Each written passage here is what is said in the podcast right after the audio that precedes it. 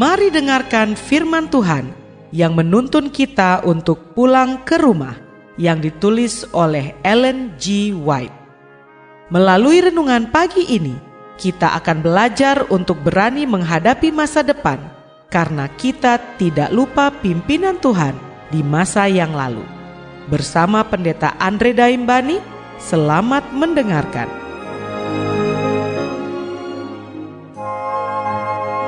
Shalom, selamat pagi saudaraku. Renungan pagi kita hari ini 23 Mei berjudul Doa untuk orang yang sakit.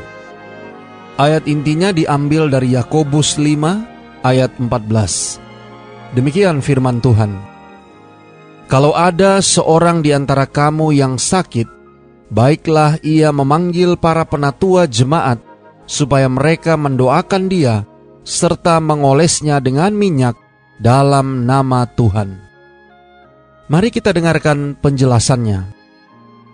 Banyak orang yang mencari kemurahan penyembuhan Tuhan yang berpikir bahwa mereka harus mendapat jawaban secara langsung dan segera terhadap doa-doa mereka. Kalau tidak, iman mereka cacat.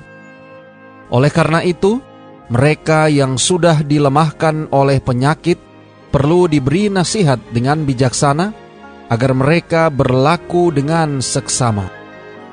Mereka tidak boleh mengabaikan tugasnya terhadap sahabat-sahabat yang bisa mempertahankan mereka terus hidup, atau lalai menggunakan bahan-bahan alami untuk pemulihan kesehatan. Sering terdapat bahaya kesalahan di sini karena percaya mereka akan disembuhkan sebagai jawaban doa. Sebagian orang takut melakukan apa saja yang bisa menunjukkan kurangnya iman. Tetapi mereka jangan lalai mengatur urusan-urusan mereka itu sebaik-baiknya, sebagaimana mereka ingin lakukan kalau mereka berharap untuk diganti karena kematian. Jangan pula mereka takut mengucapkan kata-kata dorongan atau nasihat yang pada saat perpisahan ingin mereka ucapkan kepada kekasih-kekasih mereka. Mereka yang mencari kesembuhan dengan doa, jangan mengabaikan penggunaan bahan-bahan pengobatan yang ada pada mereka. Bukanlah menyangkal iman kalau menggunakan obat-obat demikian, karena Allah telah menyediakannya untuk mengurangi rasa sakit dan membantu dalam melaksanakan pekerjaan pemulihannya. Bukanlah menyangkal iman kalau bekerja sama dengan Allah dan menempatkan diri dalam kondisi yang paling cocok untuk sembuh. Allah telah memberi kuasa kepada kita untuk mengetahui hukum-hukum kehidupan.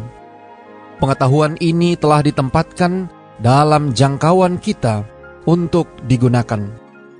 Kita harus menggunakan setiap fasilitas demi pemulihan kesehatan, menggunakan setiap kesempatan yang ada, bekerja sesuai dengan hukum-hukum alam.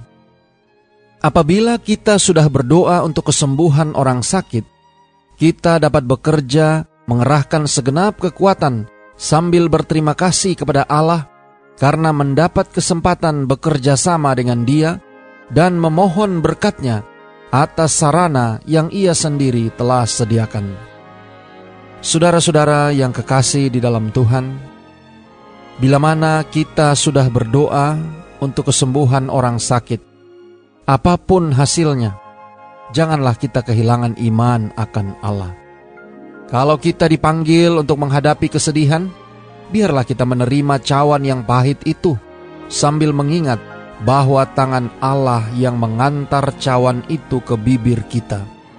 Tetapi seandainya kesehatan dipulihkan, janganlah dilupakan bahwa penerima kemurahan penyembuhan itu berada di bawah kewajiban baru terhadap Halik.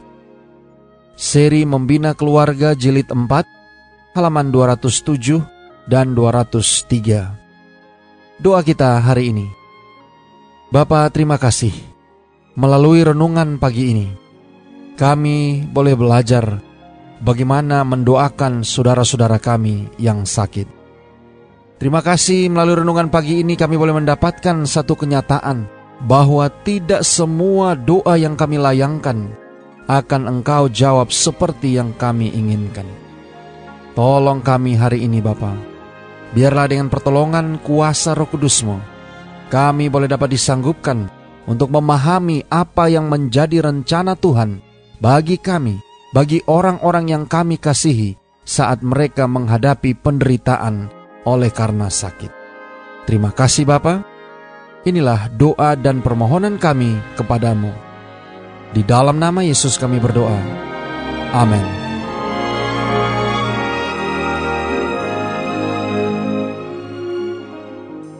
Demikianlah tadi pembahasan tentang pulang ke rumah.